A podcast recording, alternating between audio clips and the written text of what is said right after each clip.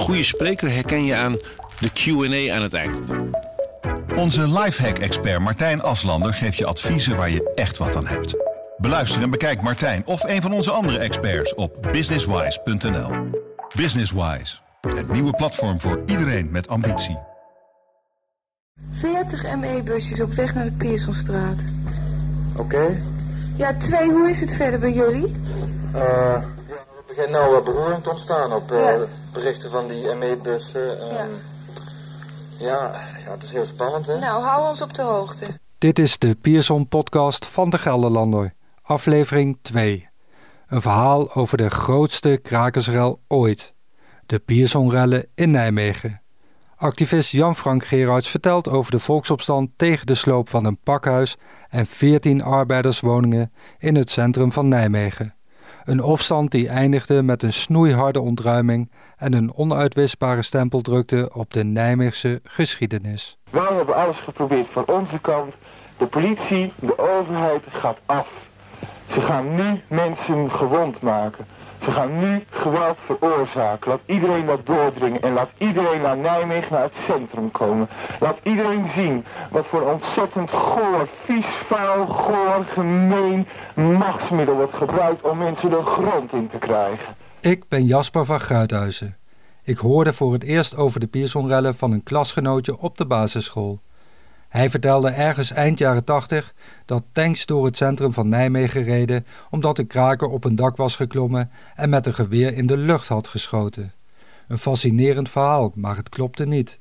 Toen ik in 2003 mijn afstudeerscriptie schreef over de Piersonrellen, ontdekte ik wel waar het verhaal van dat klasgenootje op berustte. Maar ik loop nou op de zaken vooruit. Het schieten komt pas in aflevering 3 ter sprake. Even terug naar het eerste deel. Daarin bespraken we de oprichting van drie barricades in het centrum van Nijmegen. Daardoor ontstond een vrijstaat, een stukje Nijmegen dat door de krakers voor de buitenwereld was afgesloten. Dus ook voor de politie. Maar van de politie hadden de activisten aanvankelijk weinig te vrezen.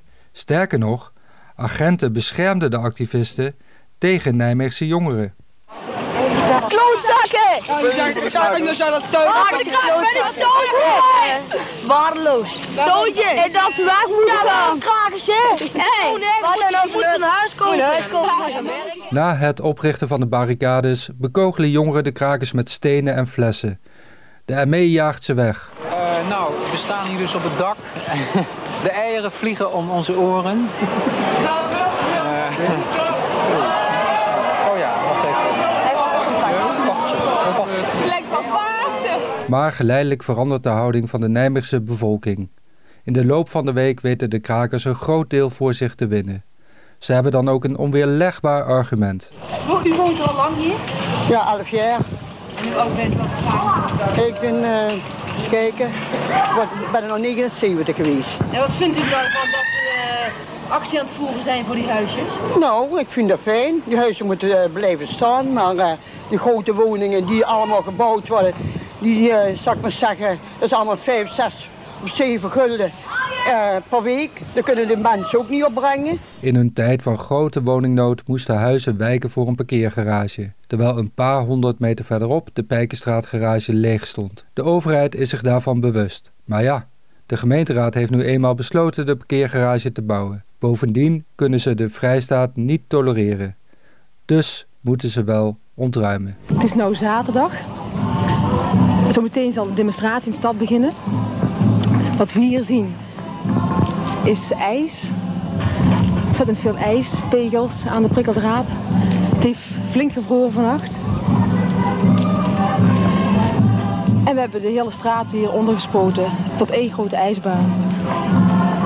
En dan mag de ME op schaatsen overheen komen om ons eruit te halen. Je staat daar in, in de kou, eh, s ochtends. je hebt eigenlijk een week achter die barricades Ja. eh, gezeten en te wachten op die ontruiming. Ja, nou ja, de sfeer is ja, een soort oorlogssituatie met alle... Ja, ze zeggen dat is allemaal heel heftig, maar het is ook heel bijzonder. Ik bedoel, je slaapt 's nacht, eh, nachten niet. Het was voor... Ik heb, ik heb in de armen gelegen van een lesbienne. Zo koud was het, omdat we het elkaar warm te houden. Maar ja, je, je leeft op adrenaline. Ja. Dus je slaapt weinig, je bent doodvermoeid, maar er is zoveel gaande en dat geeft een, ja, ik kan niet anders zeggen, een enorme kick. Om vijf uur vanochtend werd de binnenstad van Nijmegen hermetisch afgegrendeld... en sympathisanten van de krakers die nog in de richting van de kraakpanden wilden optrekken... vond de politie op hun weg. Ik kom van huis af en ik zie op de Molenstraat een rij mensen. Want ik kon dus niet op de barricades komen vanwege de, het ME alles had afgezet. Dus op de Bloemenstraat, of de Molenstraat was dat, zie ik ergens een rij mensen voor een huis. Ik sluit me aan, gaan de deur in, trap op, uh, keuken door, raampje door, over een plank, garage, over een garage heen. En we komen binnen de barricades. En dan kom je op het terrein en daar is, ja, iedereen is, is in verwachting van wat er allemaal gaat gebeuren. Het is een enorme spanning natuurlijk. Angst Maar- ook? Nou, nee. Bij mij in ieder geval Geen moment ook niet Nee, toen, toen die bulldozer tank eh, de hoek Nee, omdraaide. is, eh, ik kan niet anders zeggen. Het is, eh, ja, die adrenaline was, gaat zo tekeer. Zijn- Je ziet ook in de film het moment dat ze komen. Nou, iedereen slaat met potten en pannen en weet ik wat. Er wordt geschreeuwd en gezongen. En ja, het is, eh, het was gigantisch. Het was, eh, ja, vet kicken. Ik kan niet anders zeggen.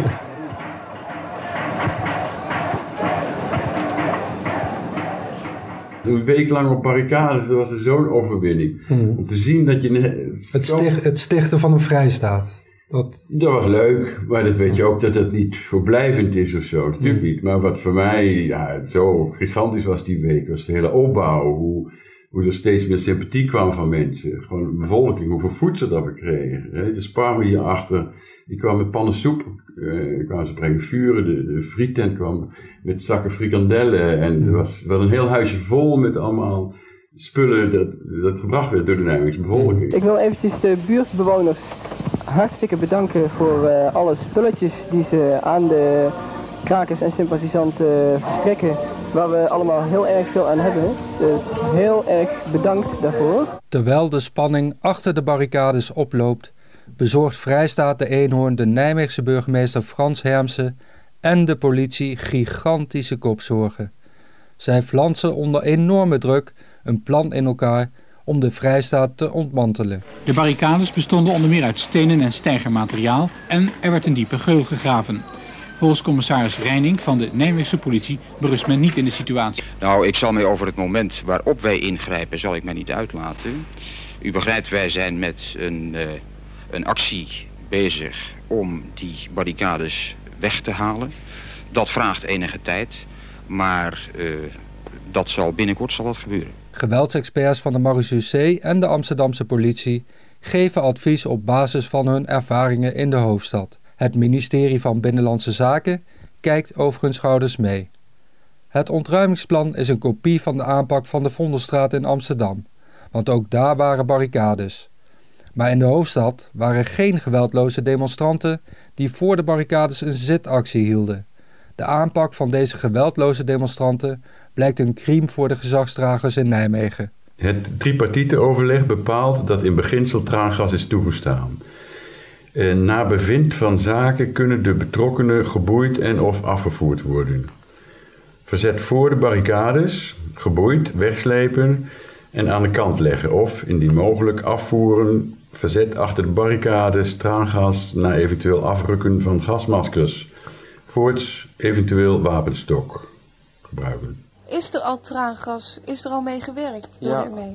Ja, er zijn al eh traangas, traangasgranaten eh, afgeschoten. Met heel veel moeite komt, komt het eh, politieoverleg op deze geweldsinstructie. eh, die eigenlijk al in zichzelf, viel mij op, eh, tegenstrijdig is. Want er staat, traangas is in beginsel toegestaan.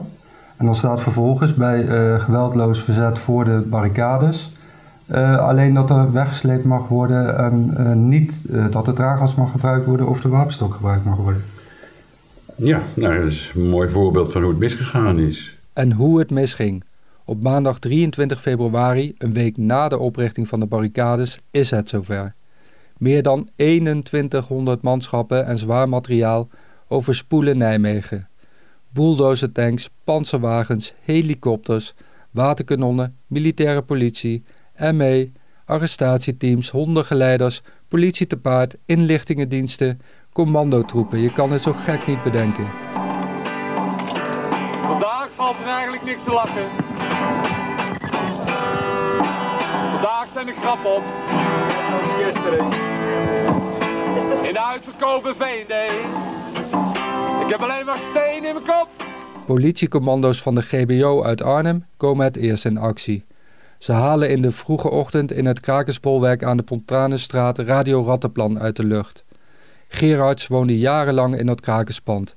We hebben daar afgesproken. Ja, laten we nou zien waar Radio Rattenplan zat. Ja, en waar de BSB of GBO of wat dan ook die, die bom naar binnen heeft gegooid. Nou, we zijn nou uh, de keuken op de tweede verdieping. En hier zat toen de tijd Radio Rattenplan. Die heeft de hele week vanaf hier uitgezonden. Nou, op een gegeven moment, dus voor de ontruiming, moest eerst de, uh, de radio uit de lucht gehaald worden. Er zitten hier mensen op het dak. Dus uh, we kunnen zo eruit gaan.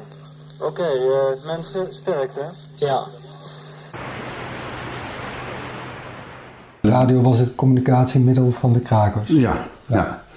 Dus hier buiten, via Sint-Anneke daarachter, via allerlei daken, is toen die speciale eenheid met bivakmutsen hier naartoe gekomen. Toen met een grote bijl die barricade ingeslagen, het raam ingeslagen en hebben toen een Thunderflash granaat er binnen gegooid. Het is een, een handgranaat zonder metalen omhulsel, dus het geeft een enorme knal. Dus mensen zijn in paniek weggerend en toen zijn ze binnengekomen, hebben we met bijlen de hele zender en alle LP's, alles kort en klein geslagen. En zijn toen weer vertrokken. En toen is alleen de zender op de Piersonstraat, die kon nog uitzenden. Op deze actie van de GBO komt later veel kritiek.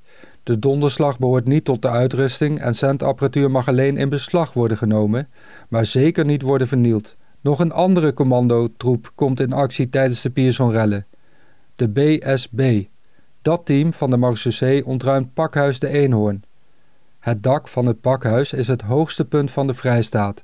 Gezaghebbers vrezen dat krakers daar vandaan brandbommen gaan gooien. De BSB wordt vanwege de politieke gevoeligheid niet genoemd in de bijstandsaanvraag.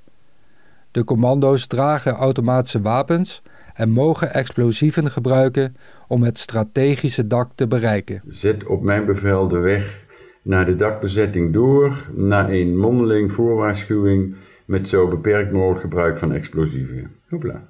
Wist je dat, dat ze explosieven mochten nee. gebruiken? Nee, nee. Of bij zich hadden überhaupt? Nou, ze moesten op het dak komen en het pand was erg goed, goed gebarricadeerd. Ik weet nog, ik, weet, ik ben daar dus niet bij geweest. Ik weet wel dat het ontzettend geknokt is. Hmm.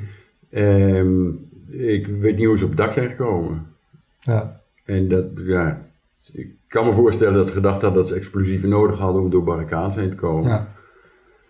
Maar dat, daar weet ik, van die situatie weet ik heel weinig. Ja. Alleen dat ze op een gegeven moment dus op het dak staan en daar flink met, kei- met stenen staan te gooien. Hadden jullie verwacht dat ze explosieven zouden kunnen gebruiken? Nee. Of, eh, daar, daar hield je geen rekening mee? Van? Nee, nee, nee.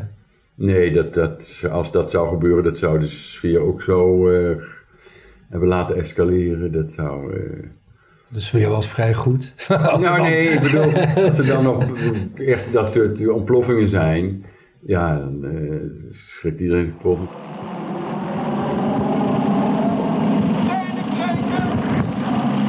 En dan zullen mensen misschien afdruipen, maar daarna des te bozer zijn. En, eh, Ja. bedoel, het geweld wat er vanuit, zeg maar, de, de, de, de, de krakers en mensen die ons hielpen, het geweld wat daarvan uitkwam, was eigenlijk puur de woede over de manier waarop geweld- geweldlozen te pak zijn genomen. Veel geweldlozen hebben daarna voor het eerst de stenen gegooid. Ja, dat was de shock aan, aan het vergassen van... Ja.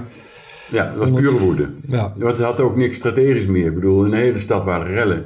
Hier om de hoek ging een waterkanon. Ik kan je foto's laten zien dat hier mee eh, stonden. Overal werd traangas geschoten. Op Sint-Annestraat werd naar binnen geschoten. Hm. En dat was een grote rel die natuurlijk niet strategisch meer had. In die zin van, de, huizen werden al gesloopt. Maar dat was pure woede. Mhm. Ja, weet- En dat heeft bij heel veel mensen is dat heel lang is dat doorgegaan. Heel veel mensen zijn zwaar gefrustreerd geraakt daardoor. Mhm. Maar het vertrouwen in de overheid kwijt? Of, of... Ja, dat denk ik sowieso al, maar dit, dit was gewoon shocking. Oh partigiano, portami via. Dit was aflevering 2 van de Pearson podcast. Ben je enthousiast? Vertel het dan door.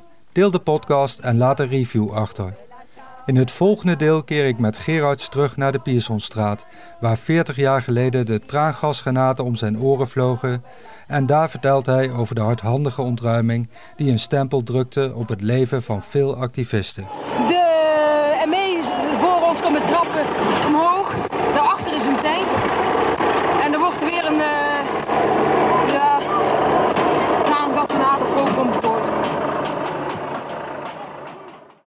We worden dagelijks overladen met overbodige informatie. En het is moeilijk de zin van de onzin te scheiden. Daarom vertrouw ik op echte journalisten in plaats van meningen. Een krantenmens heeft het gemakkelijk. Word ook een krantenmens en lees je favoriete krant nu tot al zes weken gratis. Ga snel naar krant.nl. Bezorging stopt automatisch en op deze actie zijn actievoorwaarden van toepassing.